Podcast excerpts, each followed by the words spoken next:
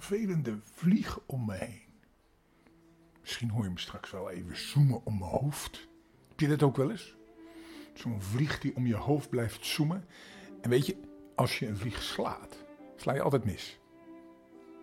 Weet je hoe dat komt? Die vlieg, die voelt de wind die je met je hand maakt. Ik heb wel eens mensen gezien, die pakken zo'n vlieg van de onderkant. Dan schijnt hij niet te voelen dat de wind aankomt. En dan hebben ze hem zo te pakken. Maar ja, op Rob kan dat natuurlijk niet. Dus, die heeft gewoon een zoemende vlieg om zich heen. Maar kan niet schelen, hè? Vind je niet erg? Dan gaan we weer een mopje vertellen. En van school natuurlijk, want we gaan er nu vanuit de komende week dat jij een keertje een mopje in de klas vertelt. Aan je vriendje, of aan de meester, of in de groep, of in de kring. En dan vertel je dat je hem van opa Rob gehoord hebt. Zullen we dat afspreken? Nou, we beginnen bij een kanariepietje. De, de meester vraagt aan Jantje: Kun jij een uitgestorven dier noemen? Jantje zegt: Ja hoor, de kanarie. De meester vraagt verbaasd: De kanarie? Die is toch helemaal niet uitgestorven? Jantje: Jawel hoor, de kat van de buren heeft hem gisteren opgegeten. Tja, ja. Een oude man rijdt in zijn auto en op de radio hoort hij dat er een spookrijder rondrijdt. Hij, zei, hij denkt bij zichzelf, maar één spookrijder? Ik zie ze allemaal tegenover me aankomen, die spookrijders. Hij is dus de spookrijder. nou, weet je, we gaan een sprookje vertellen. Want we zitten in de sprookjes top 100. En we hebben soms hele spannende, soms hele enge, soms hele gekke uh, sprookjes van over de hele wereld. En vandaag hebben we een heel ouderwets sprookje. Dat ken je allemaal misschien wel. Doorn Roosje. Nou, ik ga beginnen.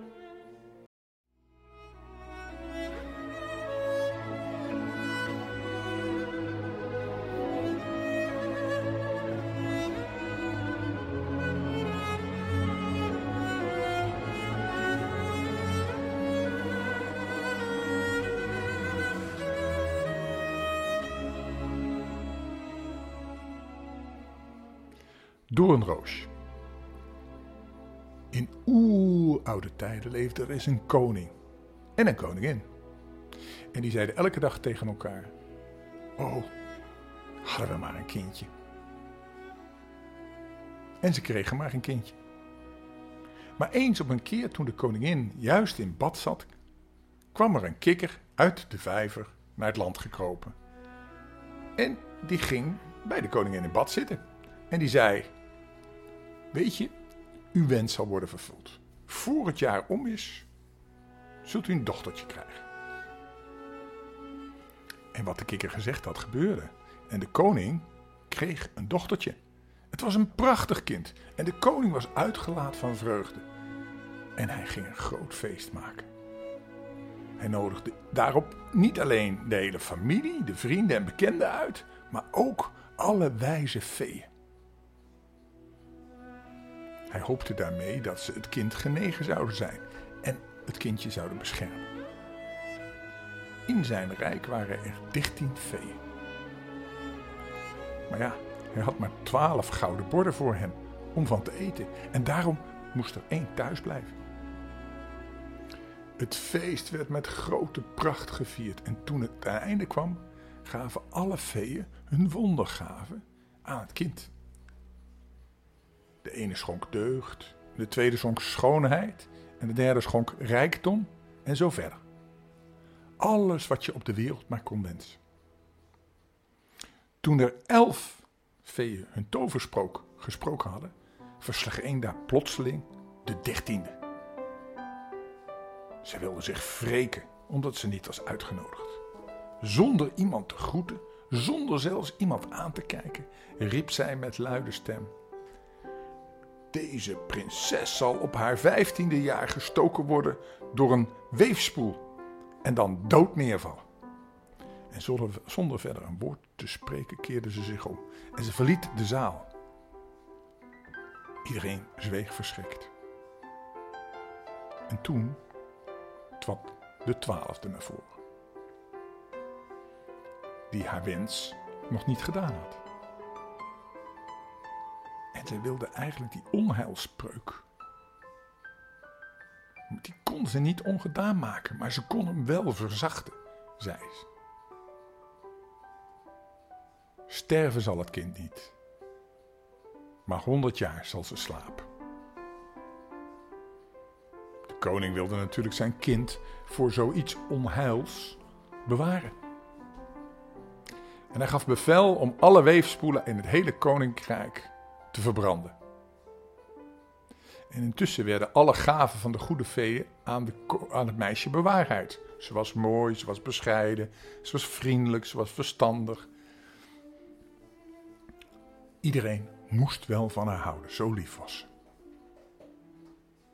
En nu gebeurde het juist op de dag dat ze 15 was. De koning en de koningin waren niet thuis. Ze bleef heel alleen in het paleis achter. Om iets te doen te hebben, liep zij het hele paleis door, bekeek alle zalen en alle kamers, net zoals het haar inviel. En tenslotte kwam ze bij een oude toren. Een nauwe wenteltrap ging daar omhoog. Ze beklom die en ze kwam bij een smalle deur. En in de deur stak een roestige sleutel. Die draaide ze om. De deur sprong open.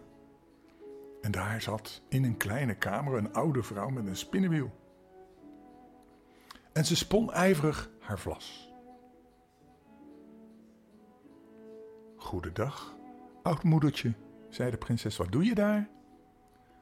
Wel, ik ben aan het spinnen, zei het oudje en knikte haar eens toe.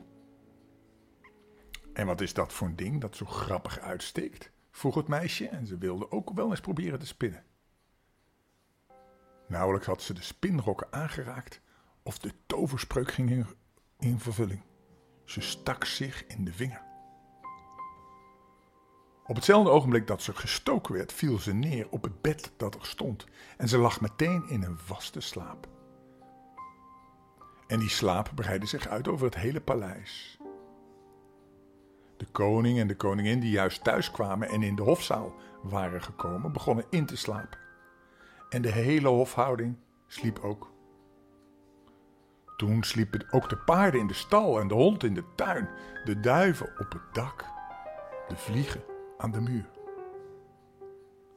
Ja, zelfs het vuur dat in de haard vlamde werd stil en sliep in. Het vlees hield op te pruttelen en de kok, die de koksjongen die wat uitgevoerd had, juist een draai om zijn oren wou geven, liet hem los en sliep in. En de wind ging liggen en er bewoog geen blad meer aan de bomen van de tuin.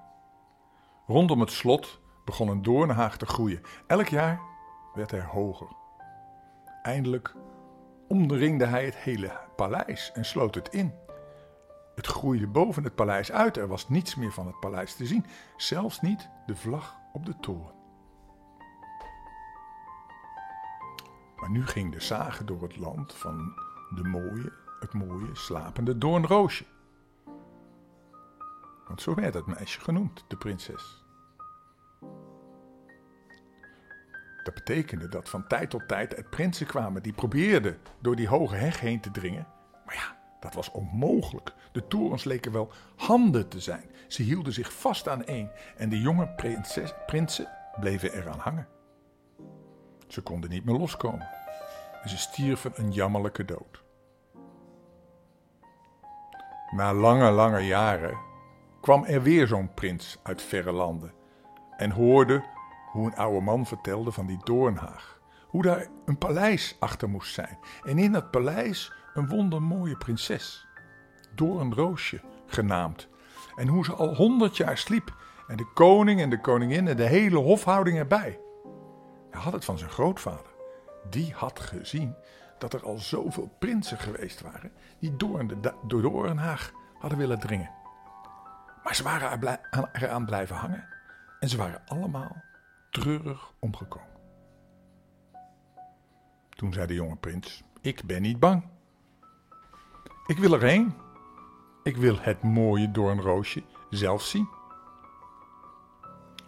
De oude man raadde het hem af.